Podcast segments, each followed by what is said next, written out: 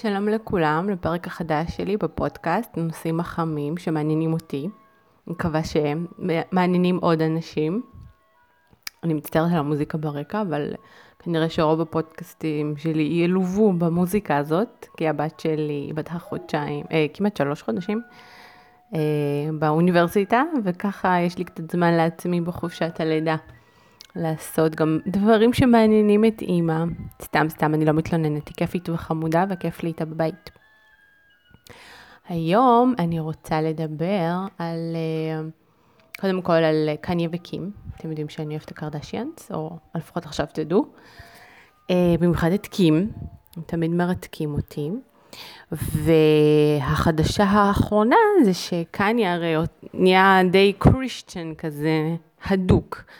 זה התחיל מזה שהוא התחיל, אה, שהוא הוציא טקס אה, דתי של Sunday, אה, כאילו ביום ראשון הם תמיד הרי האמריקאים הולכים, לא האמריקאים, הנוצרים הולכים לכנסייה.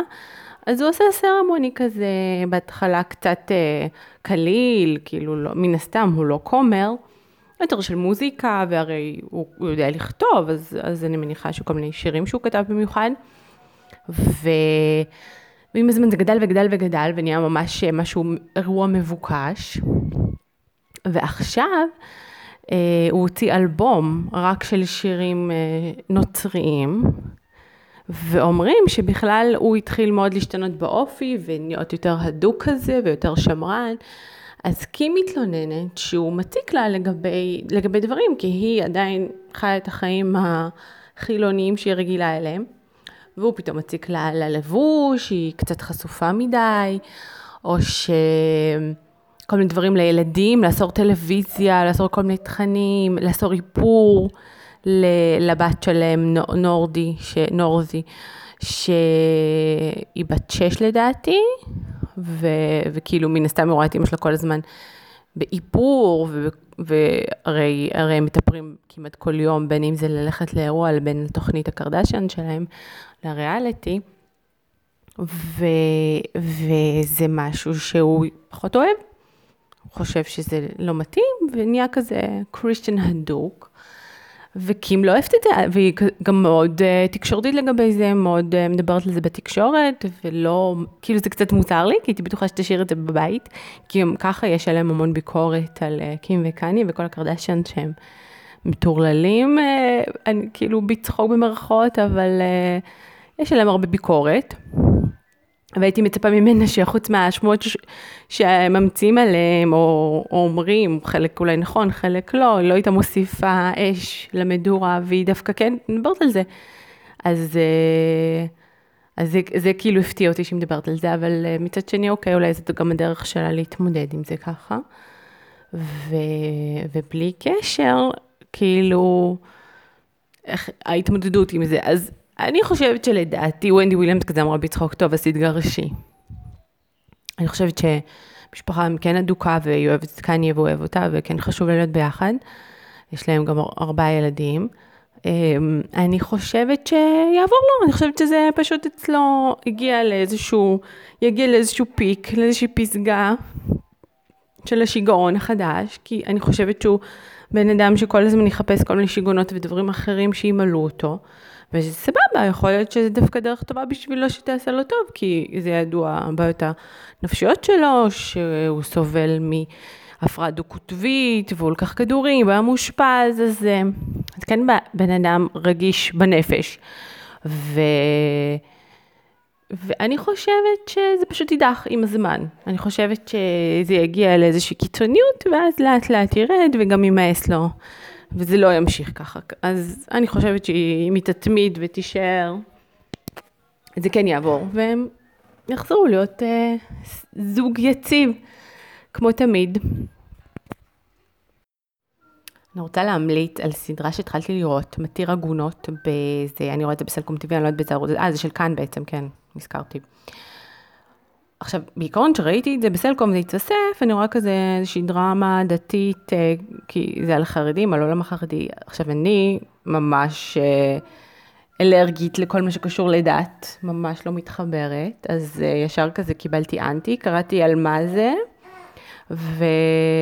וזה היה נשמע לי נחמד, אבל לא מספיק. גם, האמת שלא הכרתי את המושג מה זה עגונות, אז גם כזה לא, לא חקרתי יותר מדי, אמרתי, זה כנראה לא בשבילי. פשוט אה, אני עכשיו רואה במקביל את הסדרה הבדיונית החדשה, הישראלית, אה, ביום שהאדמה רעשה, רעדה, שהיא לא כל כך ברמה, סדרה כזאת היא חטיפית כזאת, כאילו, נחמד לראות, אבל אה, לא אמינה, תסריט לא וואו, משחק בסדר, אבל היא, היא לוקה בחסר, יש שם כמה בעיות. אז אני, אני רואה אותה ואני לא מתלהבת ממנה, ולרוב אני לא רואה כל כך סדרות ישראליות. ואז פתחתי יוטיוב, וראיתי, אה, אני הרבה פעמים אוהבת לראות את הכתבות האלה שיש בסוף החדשות, אני לא רואה חדשות, בגלל שזה לא בשבילי כל התכנים של הדרמות שהם אוהבים להכניס אותנו עם הטרגדיות הכי גדולות בארץ, ורק להוציא את המיץ בשביל אה, לגרום לצופי, למשוך צופים. כי אנחנו נמשכים לדרמות, אבל uh, העצבים שלי לא בשביל זה. אני רגישה מדי, אז אני לא רואה חדשות. אבל יש uh, הרבה פעמים בכזה מוסף שישי, שיש בסוף כזה את העשר דקות שהם מראיינים איזה שחקנים, ו...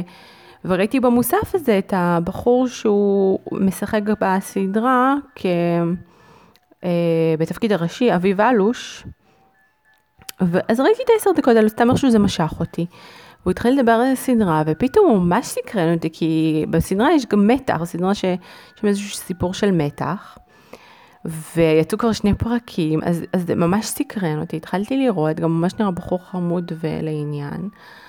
אה, וממש התלהבתי, כאילו זו נהייתה הסדרה שהכי כבר בא לי לצפות אותה, אני לא יודעת באיזה ימים יוצאים פרקים, אבל בא לי כבר שיצאו כמה שיותר פרקים.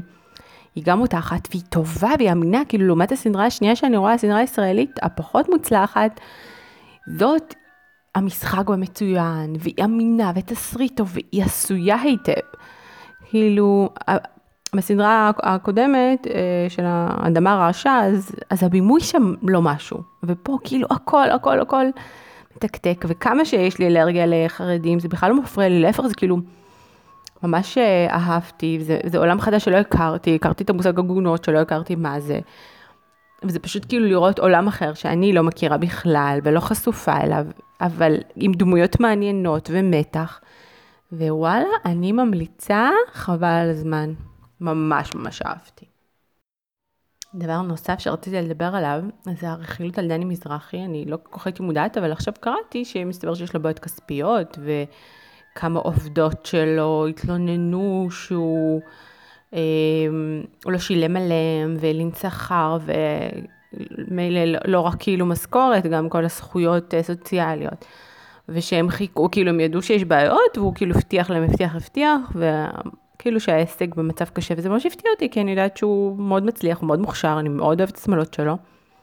והוא עדיין ממשיך לייצר עבודה, אפילו עכשיו ניקול ריידמן לא מזמן באחד הקליפים שלה לבשה שמלה שלו, זה לא שהוא כאילו הוא כבר לא רלוונטי, אבל כתוב שיש לו עכשיו הרבה תחרות בתחום של השמאלות קלה, כי יש היום המון, אה, דווקא בפריפריות, בנות אה, מאוד מצליחות אה, שתופרות ומכינות שמאלות קלה, ו... ולכן הוא לא היחיד, יש לו תחרות כנראה. עכשיו, תחשבו כאילו כמה זמן הוא בתחום וכמה כסף הוא יכול לחסוך, אבל כנראה שהוא לא כזה טוב. הוא לא איש עסקים טוב, והוא לא, לא ידע לחסוך, וגם אומרים שהוא, כל ההפקות שלו שהוא עושה, הן הפקות מאוד יקרות, והוא הוציא מלא כספים, אז כן, כנראה כאילו מישהו שלא כל כך יודע להתעסק עם כסף, ו- וחבל, ובאסה, כי בן אדם מוכשר, כאילו, ממש אמן. אז אה, זה היה מוזר, וכן, לא הכרתי, לא הכרתי את זה. בעלי ביאס אותי אתמול. אז ככה, הסיפור הוא ש... הבת שלי, בת השלושה חודשים כמעט, אני כל יום נוסעת להביא את הגדול, כאילו בעלי שם אותו בגן ואני לוקחת. עכשיו, היא לא סובלת להיות באוטו. זאת אומרת ש-20 דקות הלוך, 20 דקות חזור, בכי צרחות, מה שאתם לא רוצים, כאילו, אבל צרחות צרחות, כאילו לא איזה בכי נודניקי מתבכיין, אלא צרחות על של וואו, זה מבאס ואין לך מה לעשות, כאילו גם אני עוצרת באמצע. מנסה לתמוצץ פה, שם, כלום, לא עוזר, פשוט בכי, בכי, בכי, בכי. קיצור, ניסיתי כל מיני דברים, בסוף, הדבר היחיד שמצאתי זה פשוט לשים מול הטאבלט, עם מוזיקה של ילדים, כל מיני שירי ילדים, ווואלה, זה עזר.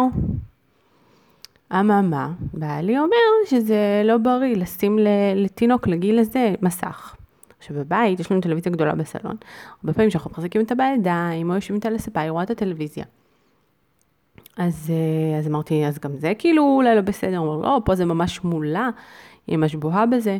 קיצור, אתמול הוא שולח לי כתבה דווקא לא מזמן שהתפרסמה לפני כמה ימים, שממש עשו מחקר קטן על קצת ילדים, אבל הם ממש ראו בפועל שילדים קטנים שחשופים לטלוויזיה, יש להם פחות חומר לבן, חומר אפור, לבן במוח, שעוזר להתפתחות, אה, עוזר ליצור קשרים חברתיים. ובקיצור, מוח פחות מפותח. יכול לצאת בעיות אה, התפתחותיות. וזה מה זה ביאס אותי הכתבה הזאת, כי כאילו סוף סוף שמצאתי משהו שהיא לא תבכה ולא תצרח, שגם זה לא נראה לי הכי בריא, ילד שצורח בלי, בטירוף בזמן נסיעה. והנה, מסתבר שזה ממש ממש מזיק, ובכתבה הם אומרים שעד גיל שנה וחצי בכלל לא מומלץ לחשוף לשום מסך. לא בצד, לא ברקע, לא ממול. עכשיו זה עכשיו הכניס אותי בבעיה, מה אני נגיד כואבת לה בטן, יש לה גז, אם אני קופצת איתה על הפיטבול, אני רואה טלוויזיה. מה עכשיו אני אעשה? עכשיו, כי היא גם מסתכלת לפעמים, כי המבט שלה מסתובב לכיוון. וגם באוטו אני לא יודעת מה אני אעשה. אז, אה, אז כן, אין לי מושג, ואין לי פתרון, וזה באסה. ואני מקווה שיגלו בסוף שטלוויזיה ממש תורמת לכל הילדים, וכדאי כמה שיותר לראות טלוויזיה. הנושא האחרון שאני אדבר עליו בפודקאסט הזה, אגב, אני שומרת על פתקי, פרקים קצרים, אני חושבת שמקסימום 20 דקות זה ממש מספיק. אני לא חושבת שיש למישהו סבלנות לשמוע אה, פרקים ארוכים. יכול להיות שאפילו צריך לקצר את זה לעשר דקות, ייתכן. אה, ראיתי בפייסבוק מישהי ש...